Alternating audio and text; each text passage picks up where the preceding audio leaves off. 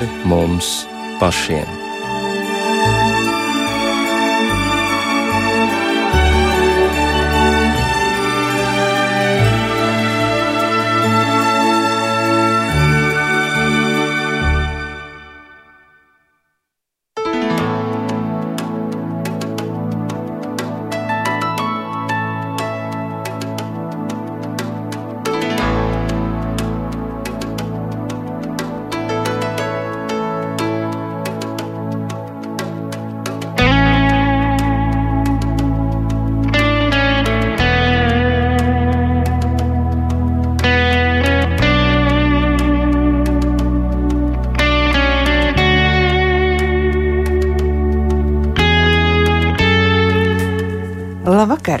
Jums runā Rīta Brunēvica. Skan raidījums pāri mums pašiem. Skaņu režijā šovakar Katrīna Bramberga.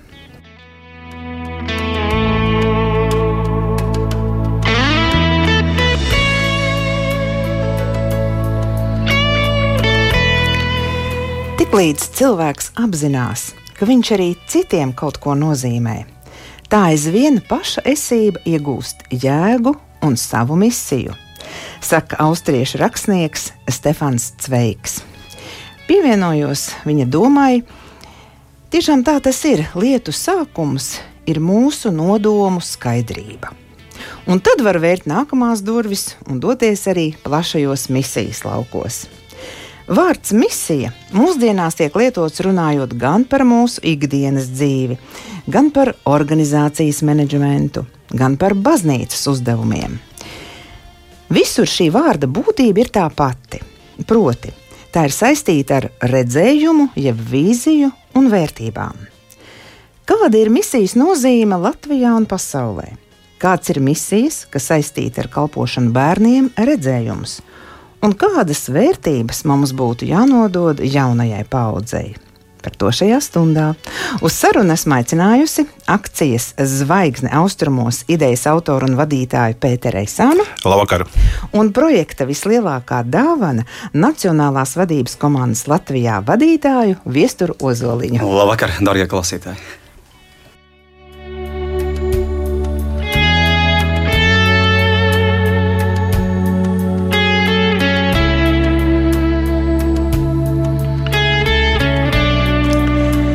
Tiešām plašs ir šis temats par baznīcas un kristīgās misijas darbu, tāpēc šovakar akcentu liekam uz bērniem.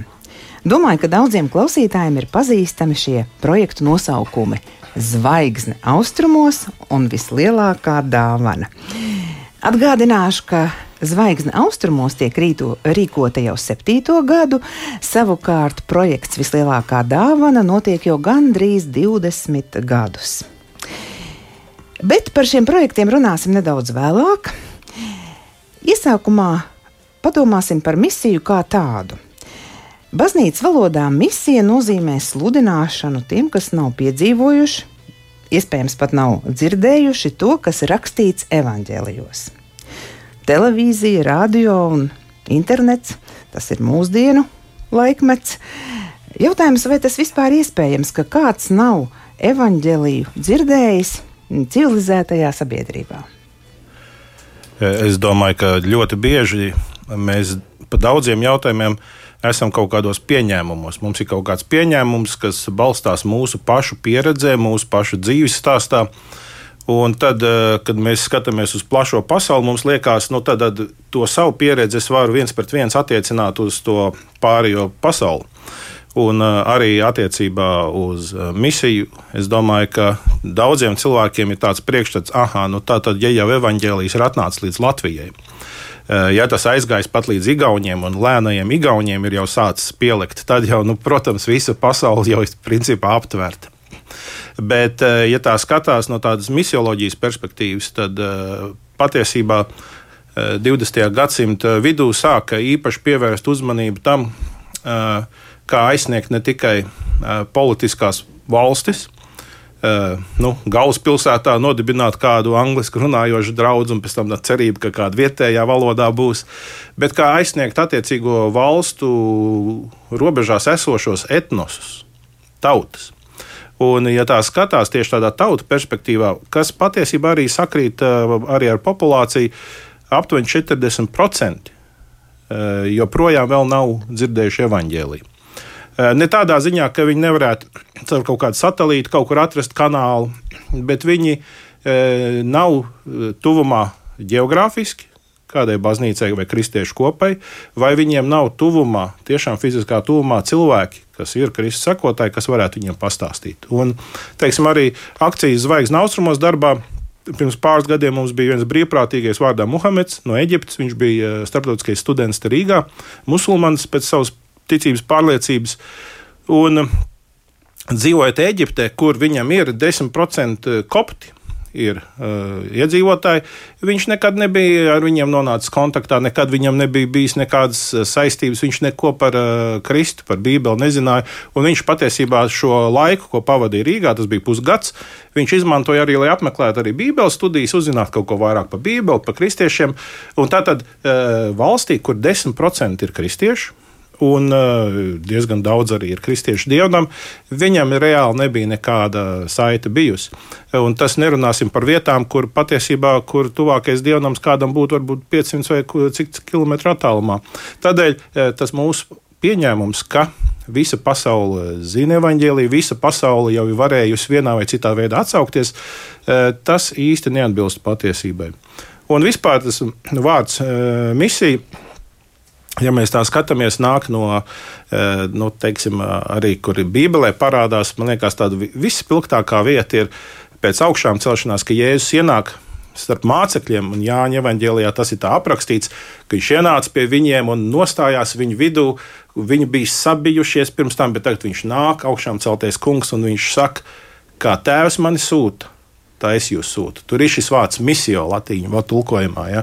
Eh, tā tad tā sūtība, kas bija viņam no tēva, viņš nodod mums tālāk to stafeti. Un uh, ar visu, kas no tā izriet, uh, Jēzum šī misija noveda pie tā, ka viņam bija naglu rētas. Viņa rokās, ko viņš mācekļiem rādīja, pēc kā viņi atpazina.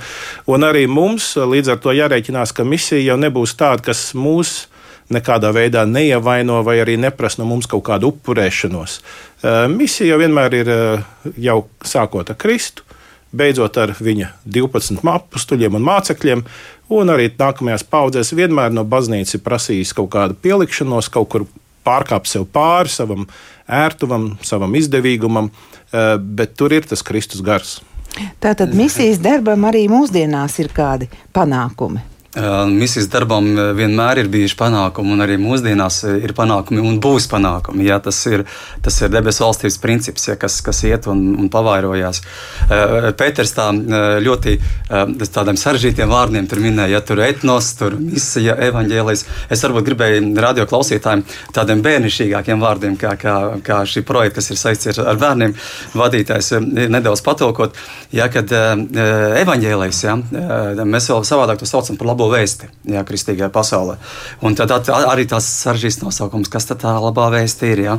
Un, un būtībā tā ir vienkārši Dieva mīlestība, kas izpaudās to, ka viņš, būdams Dievs, kuram ir vara pār visu, bija, ir un būs sūtījis savu vienpiedzimušo dēlu, Jēzus Kristus šajā pasaulē, ar, ar būtībā vienu mērķi, ar šo misiju, ja, lai palīdzētu cilvēkiem atbrīvoties no viņu grēkiem kas cilvēks visu dzīvi, principā, no radīšanas sākuma, ja jau mazs bērniņš, kad viņš nāk pasaulē, ja, viņa, viņa ātri kaut kad, nu, katram bērnam tas ir savādāk, kad katrs bērns sāk atpazīt, kas ir labais un kas ļaunais. Un būtībā no šī brīža bērns saprot, kas ir labs, kas ir slikti, un tad, tad jau viņš, būdams miesā, dara lietas, kas ir nepareizas, šķības greizes. Un to mēs saucam par grēku. Ja? Un tāpēc Jēzus Kristus nāca šajā pasaulē, lai atbrīvotu cilvēkus no tās nastas, kas cilvēkiem ir jānes visu savu dzīvi. Ja? Un es zinu, ka noteikti mūsu radio klausītāji, kas ir klausās, kad arī viņi uh, apzinās, ka viņi vairākas reizes ir centušies atbrīvoties dzīvē no kaut kādām lietām, bet nav to varējuši izdarīt. Un šis ir tas evaņģēlijs, ka pateicoties Dieva dēlam, Jēzum Kristum, cilvēks var atbrīvoties no šīs nastas. Jā, tas ir evanģēlijs. Un misija, tā ir šī misija, kad viņš nāca šajā pasaulē. Uh, varbūt pat arī es tā, uh, man bez, bija tāds nesen tāds gadījums, kad es par, es par to aizdomājos, bet par to es nedaudz vēlāk raidījumā pastāstīšu, kad būs jautājums. Kad es, es tā domāju, vai Jēzus Kristus, kad viņš nāca šajā pasaulē, vai viņš uh, bija gatavs sagaidīt to, kas viņu sagaida? Ne, bet viesturi, ja, ja tas stāsts ir tagad, tad stāsti tagad. Jā. Ja tas iet kopā ar to, jā, ko tu saki. Jā, kad būtībā sanāk to, ka tā, tas, tas darbs, kas, kas tika izdarīts 2000 gadus atpakaļ, tam ir ļoti liela nozīme arī šodien, un mēs redzam, ka tas, kas darbojas 2000 gadus atpakaļ, darbojas un notiek arī šodien. Un kad tu par jā. to aizdomājies? Jā, un, un, un, un kad, es, kad es par to aizdomājos, ja, kad, kad būtībā tam, tam nav nekādu rāmju robežu, un kad katram cilvēkam dzīvē būtībā jau ir šī misija. Jā, vienīgais jautājums, vai šī misija ir tas, vai, mēs, vai tā ir pareizā misija. Jo mēs varam darīt lietas, kur mēs tērējam savu laiku, veselību, naudu, teiksim, varbūt attiecības ar ģimeni zaudējam, ja? bet beigās tas rezultāts nekam nav vajadzīgs. Ja? Tāpēc Dievs mūs aicina, ka mēs savu dzīvi varam nodzīvot tā, ka mēs paskatāmies atpakaļ ar gandarījumu 80 gados, 70 eh, gados, kādam varbūt 50 gados, un paskatāmies, o, paldies Dievam, es to savu dzīvi esmu nodzīvojis tā, ka man ir gandarījums, ka es varu aiziet no šīs pasaules ar paceltām rokām. Es vienreiz, eh, kad es vēl biju tāds jauns puika, strādāju noliktavā, man bija viens tāds eh, noliktavas darbinieks, un, un es viņam saku, nu, ko tu gribi no savas dzīves sagaidīt. Viņš man iedod tādu klasisku cilvēka dzīves misijas principu. Ja? Tātad iestādīt koku, tad nākošais, Pēteri, kas ir vēl? Izaudzināt, bērnus, un vēl viena lieta, trešā. Ko vēl? Ko, Grāmatu uzrakstīt. Nu, tas, jau, tas jau būs tas jau cēls vērts. Uzbūvēt māju. Ja, kur dzīvot? Sev un ģimenē. Ja? Tas ir liekas, ka tā, cilvēka tāds misijas princips ir šīs trīs lietas. Ja? Um, iestādīt koku, uzbūvēt māju un lai ir ģimene ja, cilvēkam. Ja? Un tad it kā ar to viss beidzās. Bet nē, šajā dzīvē ir lietas vēl daudz vairākas virs tā un pār tā, par ko mēs arī runāsim šajā redzējumā. Ejam tālāk pie uh, vērtībām. Tad kādas galvenās vērtības būtu jāmāca bērniem? Jo šovakar, kā jau teicu, mēs koncentrējamies uz bērniem, jo jūsu projekti ir tieši vērsti uz bērniem. Pirms runājam konkrēti par projektiem, par tām vērtībām, Pēter, kā tu domā? Nu, tur ir divi jautājumi. Viens ir, kādas vērtības vajadzētu mācīt, bet otrs, ko mēs varam vispār iemācīt. Un, uh,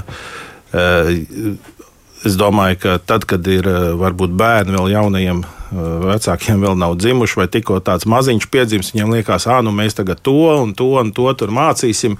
Visi tik idealizēti, visādi kursi aiz, iz, izteigāti un visu kaut ko tur sadomājušies. Bet tad jautājums, ko tad reāli var iemācīt? Un lieta jau ir tā, ka ir ļoti grūti iemācīt to, kas nav tev vērtīgs. Eh, bērns vēro, bērns imitē, bērns tevi nolasa kā grāmatu. Uh, un tu vari teikt, ko gribi, bet bērns jau redz, ko tu dari. Un tad, kad es domāju par savu dzīvi, uh, es daudz uh, gudras pamācības, domāju, esmu dzirdējis um, no saviem vecākiem, bet ne tikai.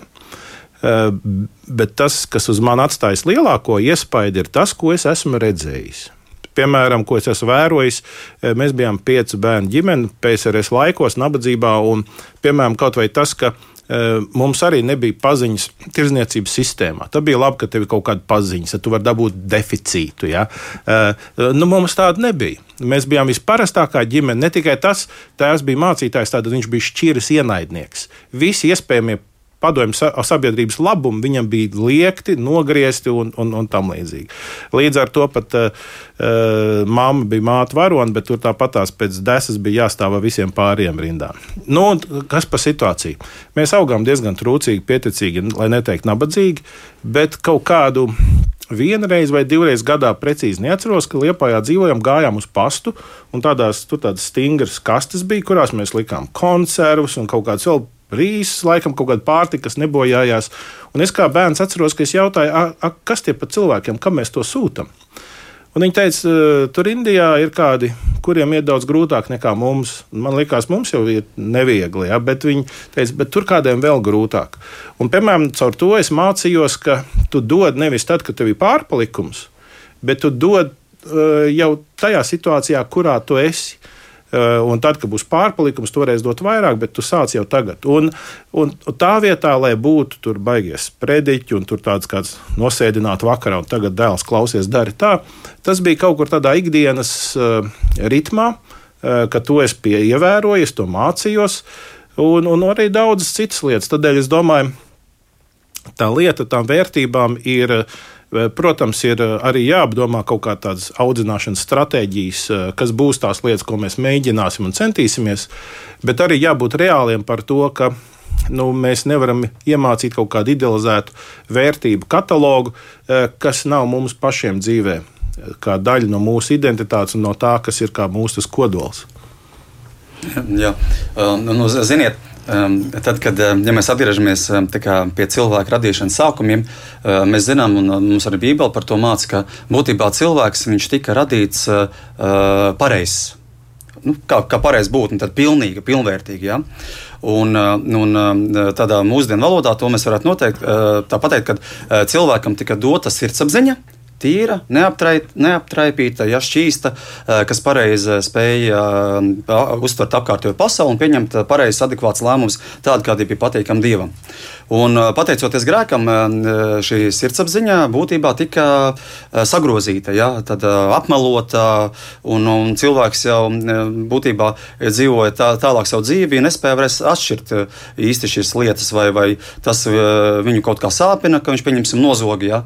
Vai, vai, vai pirmo reizi bija sāpīgi, ka tu kaut ko slikti izdarīji, otru reizi tā mazāk sāpīgi, a trešo reizi varbūt vispār nesāpēja, ja sirsniņa, kad likās, ka viss kārtībā.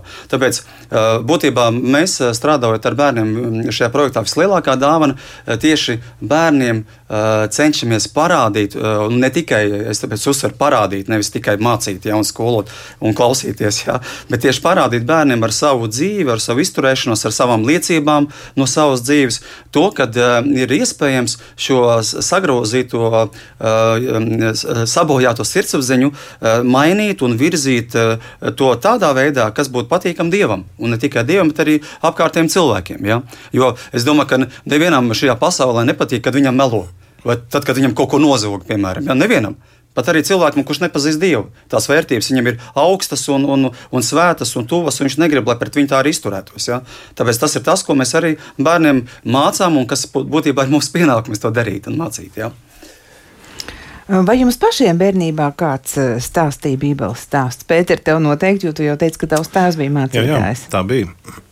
Un tas jau bija varbūt tāds uh, pat uh, vienā vecuma posmā es to atceros diezgan spilgti. Tas bija tāds uh, kā ikvata, ikvaka rituāls, uh, kad mēs sapulcējamies tur vecāku istabā un tad uh, teica stāstīja. Pārsvarā jau stāstīja, citreiz viņš nolasīja kaut kādu stāstu tur, no Bībeles. Un, un tur jau arī tas ir notikums, kurā ir arī pēc tam kaut kādas vērtības secinājumas, kur kāds ir rīkojies varbūt cildeni Eh, tad tas ir, nu, viņš saņem atzinību, kur kāds varbūt ir rīkojies eh, grēcīgi, un tad tur saņem kaut kādu sodu. Eh, reizēm atkal bija tā, ka nevarēja saprast, kas tur ir noticis, tad atkal jāpadomā. Un arī tas, ka nu, ne tikai Bībeles stāsts, bija arī dievu lūgšana. Un, Tas kaut kādā veidā bērnam ļauj saprast to, ka vienīgais atskaites punkts nav jau viņš pats, nav arī vecāki, bet arī kaut kāds atskaites sistēma ir Dievs, ar kuru būs rēķināties. Un eh, savā veidā eh, arī es atceros, ka tīri tā, ka es vērtēju savu dzīvi, eh, kaut kāds arī pusauģu dzīves izaicinājums. Es domāju, ka kaut kādos pagrieziena punktos, kur es būtu varējis iet vai vienā vai citā veidā, teiksim, tas, ka es rēķinos ar Dievu savā dzīvē, ka Viņš mani redz, ka savā veidā Viņš arī vai svētī, vai kaut kādā veidā ļauj piedzīvot kaut kādu uh, apdraudējumu un, un, un saņemt caur to sodu. Uh, līdz ar to tas liek cilvēkam rēķināties. Un es domāju, ka tīri tādā mm, vērtību un morāles līmenī tas arī bieži vien ļauj bērnam un pusaudzim to savu kursu, kad vecāki nav klāti kad skolotāji klāt vai citas autoritātes figūras nav klāt, tomēr spraust tādu, tomēr savā veidā, es teiktu, ētiskāku. Tātad vērtība būtu autoritātes apzināšanās, kas tev no bērnības nāk līdzi, vai ne, un lūkšana. Jā. Un, un tavā projektā tu arī rakstījis, ka tas ir arī nu, tāda personīgā saskarsme, vai ne? Nu jā, bet tas ir par tavu projektu runājot. Par to mēs pēc, jā, jā. pēc brītiņa. Kā, jā, man, kā... man ir pilnīgi pretēji kā Pēterim, tāpēc, kad man nebija vecāki, kas man runāja par Dievu, jeb rādīja no savas dzīves piemērs, kā Dievs gribētu, lai viņi dzīvotu. Bet manā dzīvē notika tā, ka es arī esmu no Liepājas. Un man Liepājā skolā viens katoļu mācītājs, nu, man tā likās pēc tā tērpa, ja, ka viņš bija no, no katoļu draudzes, bija atnācis uz skolu, mums uz klasi un izdalīja evaņģēlijas zilās grāmatiņas, tāds maziņas, ja, Gideon, kas ir iespiedoši. Un tā es to grāmatiņu ik pa laikam, būdams tur bērns pusaudzis, pašķirstīju, kad man kaut kāda dzīves tādas grūtības bija, un, un jo tur pašajā pirmā lapuspē tur, tur ir ierakstīts, ja tur grūtībās tādās tāds pāns jālasa, grūtībās tādās tāds pāns. Ja? Un, nu, man kā bija grūti, tad es tos pāns meklēju un lasīju. Bet, ziniet, eh, tas nedarbojās. Nedarbojās. Un, un ziniet, kad tas sāk darboties, kad Dieva vārds sāk. Es domāju, eh, tas eh, Dievam speciāli tam bija kaut kāds mērķis manā dzīvē, jo faktiski Dievs darbojas, tikai es viņu neredzēju. Man acis bija aklas, es neredzēju vienkārši Dieva darbu savā dzīvē. Bet tad, kad manā dzīvē um, bija ienāca cilvēks, kuram bija, kuram bija dzīves attiecības ar Dievu, kurš bija nevis, nevis, kristietis uz papīra, bet dzīves kristietis dzīvē savā. Tas, ka, tas, ka bija rakstīts, to viņš arī izpildīja dzīvē. Eh, tas man uzrunāja un tas aizskāra manu sirdi. Tad es um, sāku ieraudzīt to, ka arī man apkārt eh, Dievs darbojas. Kad arī manā dzīvē notiek tas, ko es lasu evanģēlijā, ka tas notiek reāli manā dzīvē. Es tādu īstu piemēru pastāstīšu no savas dzīves. Evanģēlā rakstīts, ir ļoti vienkāršs pāns. Ne par kontekstu šo, šobrīd runa. Vienkārši pāns, ļoti vienkārši. Tie, kas Uh, ir pirmie, tie būs pēdējie, kas pēdējie, tie, tie būs pirmie. Ja, tas jau veselo raidījumu vērts temats. veselo raidījumu vērts, bet tā ir reāli dzīve liecība no manas dzīves. Un kādā veidā tas notika, kā Dievs man šo pantu būtību atklāja. Es tajā laikā nodarbojos ar sportu, un mēs braucām uz, uz Spāniju treniņu nometnē. Un divas dienas ir garš ceļš. Ja, pēc divām diennaktīm skaidrs, ka cilvēkam gribās atpūsties. Un tad, kad mēs aizbraucam uz to vietu, kur mums vajadzētu dzīvot, tad visi mani puiši, ar kuriem mēs kopā bijām, aiztraucās uz to māju, lai aizņemtu labākās vietas. Un vienkārši es redzu, kas notiek, tas, tas stress, tas skriešana, čemodāna ņemšana un tā tālāk. Un man skan sirdī galvā šī rakstu vieta. Tie, kas būs pirmie, būs pēdējie, tie, kas būs pēdējie, būs pirmie. Un uh, es jūtu, ka man nekur nav jāskrien, man nekur nav jāuztraucās. Es vienkārši pasēžu tajā mašīnā 15 minūtes, paņemu savu somas, tagad dodos pie saviem draugiem, kas bija otrajā stāvā, mums tur trīsstāvīga māja, jo es biju tā kā autoritāte grupiņā iekšā, ja, kad es sporta nodarbojos. Domāju, ka viņi man kā draugi arī aizņems vietu. Es aizēju pie viņiem, viņi saka, viestur, piedod, te nav brīvās vietas priekš tevīm. Viss ir aizņemts. Reku pat vienam mums uz dīvāna, uz cietām atspēriem jāguļ. Es tāds jau tāds bēdīgs, kas te pa draugiem skaitās. Jā, dodos lejā pie treneriem. Uh, uz pirmo stāvu varbūt viņam brīvas vietas ir. Treneris saka, uh, arī te nav brīvas vietas. Bet brīvas vietas ir tajā trešajā puspagrabā stāvā, kur ar jauniem kopā. Un es aizēju to trešo stāvu, atveru vaļā durvis, un tā kā es biju pēdējais, visas labākās gultas ir aizņemtas, manu gultu ir pie pašām durvīm kur atver vaļā uzreiz. Ja? Tā kā, nu, es tā vispār neesmu pieredzējis dzīvot, kad atver durvis un tur gulēt uzreiz, kur, kur gulēt.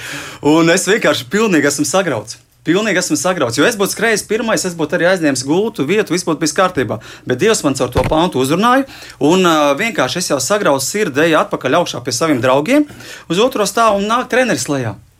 Un uh, viņš tās līdzīgi tā kā Pēterim bišķiņš. ja? Un uh, viņš uh, man saka, kur tu dzīvo? Es saku, es tur trešajā stāvā pie tiem uh, puspāriem stāvā pie tiem man mazākiem puikām. O, viņš saka, zini, viestur man te katru dienu tādam dušīgam cilvēkam augšā lejā. Uh, es, es tā sapratu, ka es nespēju to mēnesi izturēt. Viņš man dod atslēdziņas. Reku, te ir atslēgas no manas istabas, ko es otrajā stāvā aizņemu. Tā bija vislabākā istaba otrajā stāvā, jo viņi bija ar ģimenes laulības gultu lielo, ar skapiem, ar visam, visam, visam nepieciešamām lietām. Un vienkārši burtiski 15 minūšu laikā Dievs man atbildēja uz šo raksturvietu. Un tas ir tas, par ko mēs runājam, ka tas vārds, kas ir rakstīts evanģēlē, ka tas nav miris vārds. Šis vārds ir dzīves un viņš darbojas cilvēku dzīvēm. Savu skanējumu turpina raidījums pāri mums pašiem. Jā, jau izskanējās vārds Ziemassvētki, un tas ir tādēļ, ka mēs šovakar runājam par dāvanām, vai, vai pareizāk sakot, sāksim tikai runāt. Līdz šim pirmajā pusstundā esam iesildījušies. Atgādināšu, kas ir studijā. Studijā ir projekta vislielākā dāvana Nacionālās vadības komandas Latvijā vadītājs Viesturs Ozoliņš un akcijas Zvaigzne austrumos idejas autors un vadītājs Pēteris Eisāns. Mēs domājam par misiju šovakar, par misijas nozīmi Latvijā un pasaulē.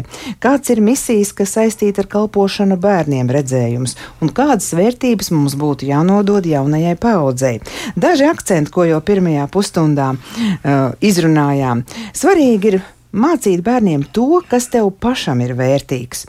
Un viena no vērtībām varētu būt došana, un dot arī tad, kad mums nav pārpilnība, jo došana pat par sevi ir svētība. Un vēl viena vērtība iezīmē mm, raidījuma viesi - tīra sirdsapziņa, jo Dievs jau tādus mūs ir radījis, bet mm, tālāk pasaulē ienāk ļaunums un tā sirdsapziņa ir aptraipīta. Un, un tas ir svarīgi ar savu dzīvi parādīt mm, citiem, kas būtu patīkams gan pašam, gan arī, protams, dievam, mūsu radītājam. Un vēl kā vērtība iezīmējās lūkšana un arī autoritātes apzināšanās. Un tiem, kam jau no bērnības ir stāstīts par, par Dievu, ir, ir mācīts, kāds viņš ir, tiešām vēlāk arī nav problēmas citus cilvēkus kā autoritātes pieņemt, un, protams, arī pašu augstāko autoritāti. Arī ar viņu runāties un lūgt viņu. Un tagad ķeramies pie projektiem. Pēter, attiecībā uz savu akciju Zvaigzne austrumos, tu vairāk kārt esi pieminējis, cik svarīgi ir ne tikai saņemt svētības, bet arī būt par svētību citiem. Un arī šogad būs iespēja būt par svētību karā cietušajiem bērniem. Pastāsti lūdzu vairāk par šī gada akciju. Vai tā būs tāda pati kā iepriekšējos gadus? Nu, viena no lietām, kas eh, jau no pirmās akcijas, eh, tad, kad eh, viss jau bija noslēdzies, tad es pamanīju vienu lietu, ka cilvēki raksta īsiņas, viņi raksta e-pastus, cits satiekt un kaut ko pasaka. Tad lielākoties tas, ko pateicis, bija tāda doma. Paldies par iespēju mums paskatīties plašāk. Un paldies par iespēju mums arī dot plašāk. Un, eh, tā ir viena no lietām, par ko es arī esmu domājis, kur ir varbūt tas eh, mūsu tas eh, īpašais punkts salīdzinot ar daudzām citām labdarības akcijām, kas Latvijā ir. Un kas visas ir labas, un viņām ir iemesls būt un pastāvēt. Un kas tad ir tas mūsējais? Tas mūsējais, tas varbūt tas īpašais atšķirības punkts ir tas, ka mēs dodam iespēju dot tiem, kas ir ārpus uh, Latvijas. Un, un kādi cilvēki saka, nu, nu jā, bet nu, Latvijā jau arī vienmēr ir daudz vajadzības. Nu, protams, ka ir. Bet uh, tā vērtē uh, to labdarību, es domāju, tieši tad, kad mēs dodam kaut kur citiem ārpus tām mūsu dzimtenes robežām. Es domāju, tā ir ļoti nevainīga un šķīsta labdarība. Piemēram, ja kaut kur, es nezinu, vai tuvajos austrumos, vai kaut kur, piemēram, palīdz Briti. Tur varētu teikt un jautāt, kāpēc viņi palīdz. Vai viņi jūtas vainīgi par to, ko viņa impērija ir vienā vai citā zemē darījusi pirms vairākiem gadiem, kā viņi varbūt tur iegāja karaspēku, un tur varbūt kādi cilvēki gāja bojā. Varbūt viņi ir izmantojuši kaut kādus resursus un no tā guvuši labumu sev. Mēs Latvijā mēs, mēs nevienu neesam iekarojuši. Mēs nevienu neesam apspieduši. Eh, līdz ar to, eh, tad, ja mēs darām kādu labdarības darbu šādā veidā, tur nav šī pieauguma, ka varētu teikt, tā, nu jūs mēģināt sev atpirkt savu vainu. Nē, mēs ne pie kā neesam vainīgi.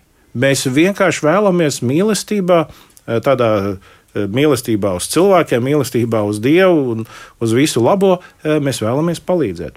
Un tāpat arī šogad tā akcija mums būs. Līdz šim pār pa 20 tūkstošu bērniem mēs esam palīdzējuši kopā ar uh, lielākoties Latvijas. Nedaudz arī ir cilvēki bijuši, kas no Igaunijas un Lietuvas iesaistās.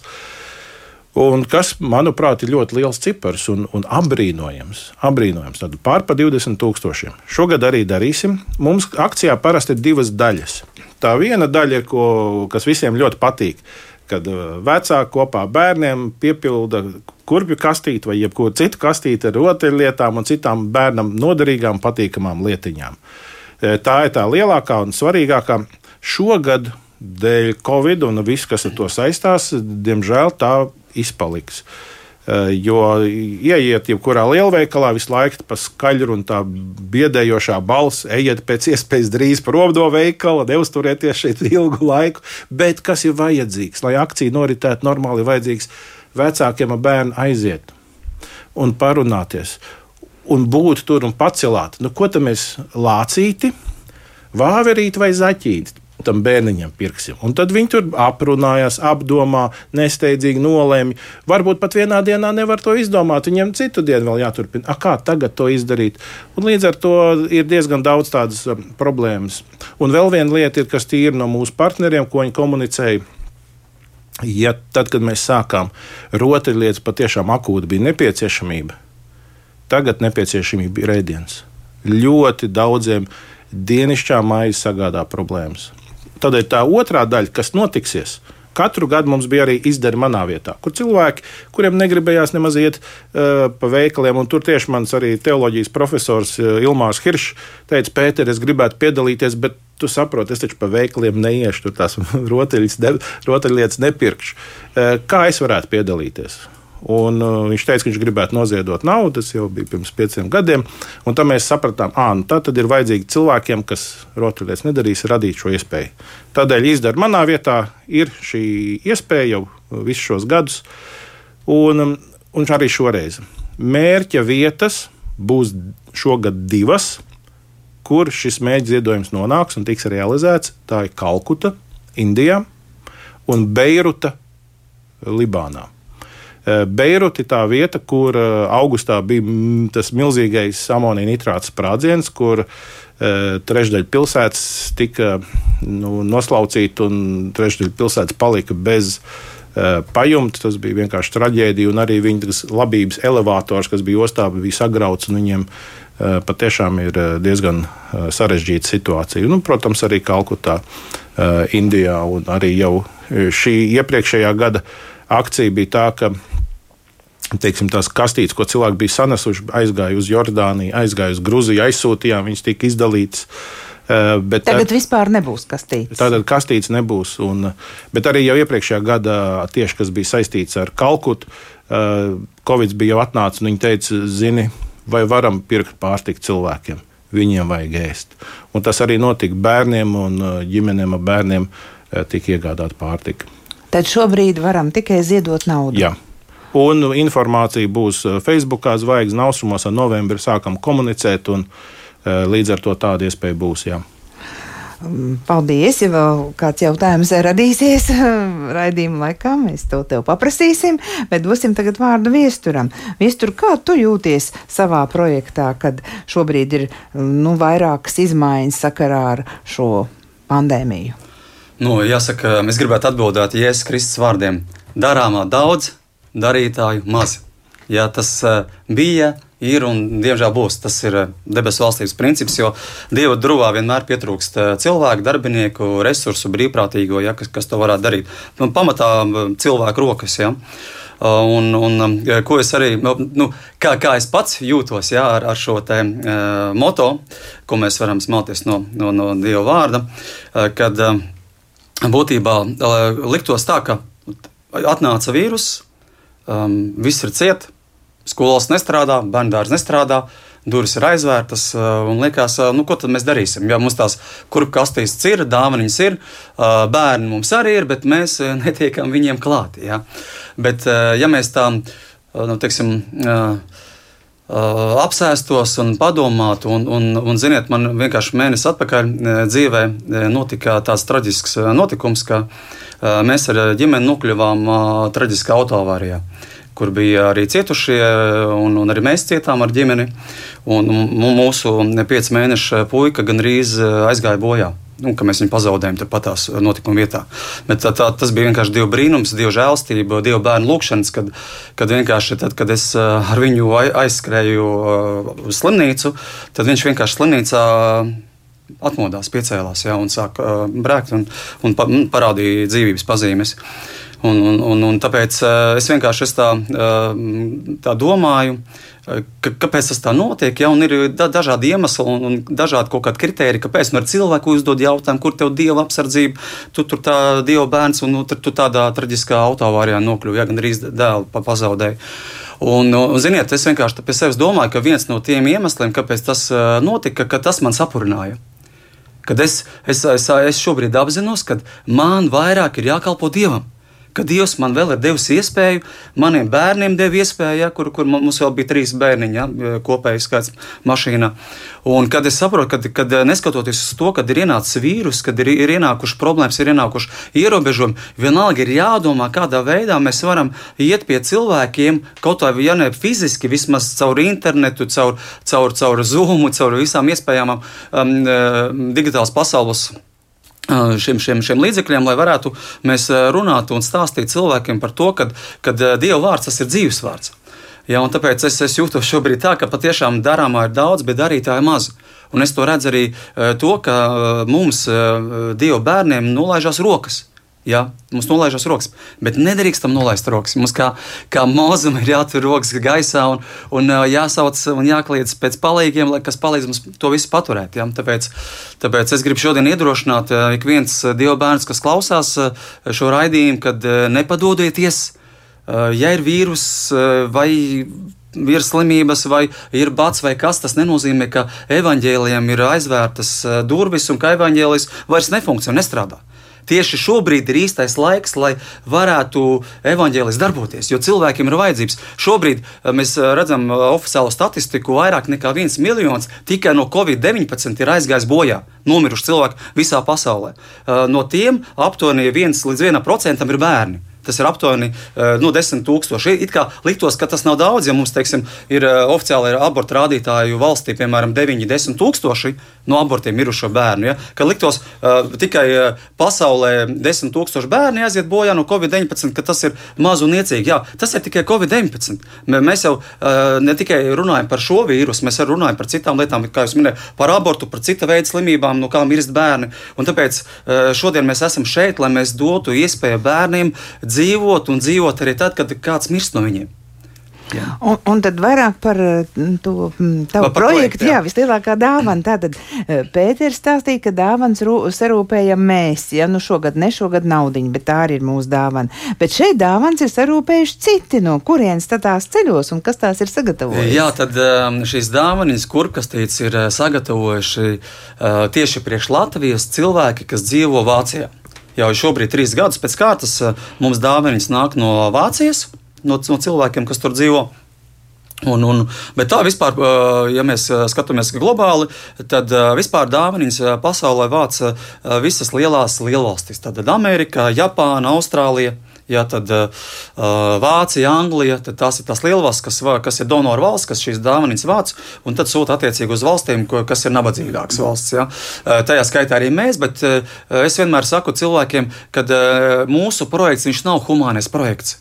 Mūsu projekts ir, ir, ir projekts, kas ir diezgan sarežģīts, jo šeit bez dāvanas ir cilvēka dvēsele, bērna sirds kas būtībā ir projekta ka pats kodols, kāpēc mēs to darām. Tāpēc, ka aiz visa šī projekta stāv bērns ar savu sirdi. Dāvana tas ir tikai aizberga redzamā daļa, ko mēs iedodam, un, un, un tas eh, kaut kur paliek, kaut kur aiziet, kaut kur pazūd. Ja? Bet aiz visa tā slēpjas aizberga apakšējā daļa, kas ir tas sūrais, lielais un mežonīgais darbs, kas mums ir jādara, lai mēs bērnam palīdzētu mainīties, lai mēs bērnam palīdzētu caur evaņģēliju kļūt labākam, lai viņam ir šīs morālās vērtības pareizas, lai viņam, viņa sirdsapziņa nav šķība grēka pareiza un nepareiza. Un tad, kad šāds bērniņš izaug jau un kļūst par pieaugušu, vai pat ne tikai par pieaugušu, viņš ar lielāku sirdi gribēs piedalīties projektā Zvaigznes austrumos un teikt, mamma, tēti, es gribu palīdzēt arī bērniem tur Sīrijā, tur Beirutā, tur Libānā un tā tālāk. Ja? Tur, kur ir šis humānais projekts vajadzīgs. Ja? Tieši tas, tas jau arī tā notiek. Ja, ja es varētu papildināt, tā viena no lietām, ko atkal un atkal kad cilvēkiem runājam, kādēļ viņi piedalās zvaigznes austrumos, tā motivācija katram jau ir mazliet sava. Bet diezgan bieži ir tie stāsti arī, kad cilvēks stāsta, ka es biju maziņš vai maziņa, tad es biju tur skolā vai vēl kaut kur. Mums bija šī tādas kastītes. Tagad man ir bērni, nu, un es gribētu, ka mēs varam to atdarīt. Un tādēļ es domāju, savā veidā arī tie mūsu projekti ir kā vienas monētas divas puses. Un, um, Un, manuprāt, arī tur ir tā vērtība, ka jā, tā mūsu ekonomiskā jauda nav tik liela kā tām eh, stiprajām ekonomiski lielvalstīm. Ja? Bet tomēr tas, ka tāda iespēja cilvēkiem ir, eh, es domāju, tas tādā ziņā ir pozitīvi. Viestur teica, ka darītāji ir maz, bet mums, mums klausās daudz klausītāju. Un, ja kāds grib būt darītājs, kas viņam ir jādara? Jā. Um, ja darīt, mēs, mēs to varam darīt uzreiz, pat šobrīd. Jā, tad, uh, es vienmēr visiem saku, ka um, šis projekts uh, būs miris, ja aiz šī projekta nestāvēs cilvēki, kas par šo projektu lūgs. Dievam palīdzību, atbalstu, žēlastību, jo šajā projektā ir iesaistīti ļoti daudz cilvēku Latvijā. Un paldies Dievam, ka viņi ir. Mums ir piecas reģionālās komandas ar aptuveni 20 eh, pāri cilvēkiem, ja brīvprātīgo, kas, kas aktīvi darbojas un strādā Latvijā. Ja? Bet visā pasaulē šo cilvēku ir tūkstošiem tūkstošiem, desmitiem tūkstošiem visā pasaulē brīvprātīgo. Bet ko viņi tieši dara? Dāvanas jau ir sagatavotas, dāvanas ir atnākušas. Ko dara šie brīvprātīgie? Tad, tad šie brīvprātīgie viņi palīdz organizēt apmācības seminārus cilvēkiem, kas šīs dāvanas izplatīs Latvijā, Latvijas bērniem. Jā, tad viņi domā, kā, kā labāk darīt, lai, lai šī kalpošana, šis darbs būtu efektīvāks. Jums jau ir tāda jā. nodarbība programma, jā, mums, zinu, jā, 12 nodarbības. Jā, jā, tad un, mums no sākuma ir apmācības semināri. Mums Latvijā pamatā ir pieci semināri, piecās dažādās Latvijas pilsētās. Pirmais no semināriem jau būs nākošajā svētdienā, sestdienā Daugupilī. Tas ir 31. oktobris. Pēc tam būs mums Valmierā 7. novembrī, pēc tam būs Es atvainojos, 7. novembrī ir Jālgavā, 14. novembrī ir Valmierā, tad 20. Um, kas 9. Mums, 28. 28. ir Rīgā. Sestdien, un tad mums ir tajā sestdienā, kas ir starp 28. un 14. ir Ventspēlī. Ja? Mm. Tad pieci semināri visā Latvijā, uz kuru mēs aicinām mūsu partnerus, skolotājus pieteikties. Reģistrācija notiek šobrīd jau vairākus gadus caur mūsu mājaslapu vislielākā dāvana.lv. Tad arī klausītāji var mierīgi iet un apskatīties šo mājaslapu. Tur būs arī vairāk informācijas par šo projektu. Un, ja kādam ir vēlēšanās piedalīties šajā projektā un saņemt dāvanas un, un iziet apmācības seminārus, un pēc tam um, zināt, kā strādāt ar bērniem vai nu klātienē, vai pat arī distancēti, par to mēs arī mācīsim šogad mūsu semināros, tad uh, ir iespēja lieliski pieregistrēties, pieteikties, un tad mēs saņemsim šo informāciju un labprāt arī gaidīsim uz apmācības semināriem. Un uh, dosim arī dāvanas. Ja, un, un, un ko jūs bērniem tieši mācīsiet? Uh, bērniem mēs, uh, mēs mācām, uh, mēs paši nemācām bērniem. Bērniem māca mūsu partneri, kas šajā projektā piesaistās. Ja? Un bez dāvanām mēs arī mūsu sadarbības partneriem, skolotājiem izsniedzam literatūru. Tad mums ir 12 nodarbību apmācības kurs, kas ir paredzēts kas bērniem. Tieši tajā kursā ir piemēram? Jā, tā, tas, piemēram, tajā kursā ir nu, tādas, teiksim, nodarbības ar tēmām tātad radīšana kā tika radīta pasaule, Ja sešās dienās tika radīta jau septītajā dienas atpūtās. Tālāk, teiksim, mums ir par to, kas ir grēks, kā grēks ienāca šajā pasaulē, kā no šī grēka var tikt vaļā caur Dieva dēlu Jēzu Kristu, piemēram, trešā nodarbība. Ja? Tālāk mēs ejam cauri Dieva brīnumiem, ko Dievs caur Jēzu Kristu darīja šeit uz zemes, ja? kā viņš lācaru no mirušiem cēla augšā, kā viņš pabaroja 5000 vīru no divām zivtiņām un pieciem maizes kukulīšiem. Ja? Mēs stāstām par šiem brīnumiem, kas ir rakstīts Bībelē evanģēlijā. Un tālāk mēs ejam uz to, ka uh, uh, tajā visā rezultātā, tad, kad mēs atdodam savu dzīvi, savu sirdi Jēzum Kristum, tad uh, Jēzus palīdz mums uh, mainīties un palīdz mums kļūt labākiem. Ja mēs zagām, tad mēs vairs, vairs nezogam. Ja mēs esam uh, atkarīgi no kaut kādām atkarībām, tad Dievs mūs var darīt un grib darīt mūs brīvus, un Viņš dara brīvus. Ja, tad, tad Dievs mums šeit jau uz zemes dod uh, jau tiksim, labākus dzīves apstākļus. Ja? Lai, lai, vai, jā, mēs neesam bagāti, mēs neesam tur uh, varbūt uh, teiksim, kaut kādos labos amatos ar lielām algām vai, vai, vai labām mājām un dzīvokļiem dārgām mašīnām nebraukājam, bet mūsu, mums ir prieks. Mums ir miers, mēs esam laimīgi dzīvot šeit uz zemes. Un tas ir tas, ko mums dod eh, evanģēlis, un tas ir tas, ko mēs arī bērniem pasniedzam caur šīm 12 stundām. Un vai bērni var arī parunāties par savām problēmām? Eh, protams, par, protams var parunāties. Jā, mm. tas arī ir katrā nodarbības ciklā. Ir, ir gan jautājumi, gan atbildes, gan arī spēles tajā grāmatiņā ir jau iestrādāts iekšā. Un, un mums pēdējo gadu laikā ir diezgan cieša sadarbība izveidojusies arī ar katoļu draugiem. Un, un uzzinot uzzinot par to, ka ir šīs grāmatiņas ar šīm 12 nodarbībām, eh, viņi ar lielāko prieku eh, grib eh, viņas iegūt arī sev, lai varētu strādāt ar saviem bērniem savā svētdienas skolās. Ja? Ka viņi skatās, ka tas, ka tas resurs, ka tas materiāls ir, nav kaut kāds konfesionāls, ka tur nav kaut kādas dogmas, kaut, kādi, kaut kādas mācības, tur draudžu dažādas. Ja? Ka viņš ir vienkārši tīrs evaņģēlis. Ja, tur nav nekāda piemaisījuma klāta. Kas ir vienkārši bildītais, vienkāršā saprotamā valodā uzrakstīts jā, ar spēlēm, ar kaut kādām aktivitātēm bērniem. Tātad būtībā tas ir tiem bērniem, kas neiet svētdienas skolā, bet nu, vecāki ir ieinteresēti, lai jā. bērns kaut ko vairāk saprot šajā, jā. kas ir Bībele, kas ir Dievs. Jā. Un pat ne, ne tikai varbūt, lai saprotu, kas ir Bībele, kas ir Dievs, uh mhm. -huh. bet eh, kad būtībā tas ir, eh, tas ir, tā ir programma, kas ir dzīva, kas ir reāla un kas cilvēkiem palīdz mainīties. Un ko dara vecāki tajā laikā? Vecāki šajā laikā, viņi, tas, protams, viss ir atkarīgs no partneriem. Ja kā partneris norganizē šo programmu arī vecākiem, es jums pastāstīšu diezgan tādu labu piemēru no mūsu kaimiņu valsts Baltkrievijas, kur viena draudzene saprata, ka, kad, nu, ja atnāk vecāks ar bērnu, teiksim, uz svētdienas skolu, ja, kad nu, vecākam stundu tagad gaidīt ir garlaicīgi un neinteresanti. Ja. Un, viņi izdomā, kad, kāpēc to šo stundu neizmantot arī priekš vecāku kaut kādām aktivitātēm. Ja? Un tad, pieņemsim, viņam draudzē nolēma tā, ka, piemēram, kādu nodarbību, piemēram, nāks mums daktaris un strādās ar vecākiem, stāstīs par kaut kādām slimībām, kā var teiksim, dabisko medicīnu, tur ārstēt to un to, un to masāžas kaut kādas. Teiksim, nākošā nodarbība atnāk jurists viesturs, kurš palīdz cilvēkiem ar konsultācijām, kādu ir tādā problēmā rīkoties un tā tādā. Un ziniet, kāds ir rezultāts, kad gadu laikā šī draudzene pa visu Baltkrievijas teritoriju ieguva jaunus aptuveni 600 draugu locekļus. 600 jauni draugu locekļi Baltkrievijā viena gada laikā. Tas ir brīnišķīgi, no tā mēs arī varam mācīties. Jā, es domāju, tas tiešām ir brīnišķīgi šajā laikā, kad ir nu, tik daudz tādu nu, drūmu pārdomu sakarā ar šo situāciju, kas ir saistīta ar Covid-19, ka šajā laikā mēs varam vienkārši par to nedomāt, bet domāt par citiem. Tā ir tā, tā lielākā svētība, un tas, ko es arī sākumā citēju, Stefanu Cveigu, kad nu, ka mēs citiem kaut ko nozīmējam, tad arī mēs paši iegūstam to svētību. Raidījums tuvojas noslēgumam. Kāds pēdējais teikums vēl no jums klausītājiem? Nu, tikai tas, ka ir ļoti svētīgi dot. Un, uh, pēdējā reizē Indijā, tad, kad tur vēroja tās nodarbības, kas bija bērniem, un tad uh, vietējais tur, uh, mācītājs Džons stāstīja, kā tur reizēm ir bērni, kas neatnāk vairs uz nodarbībām.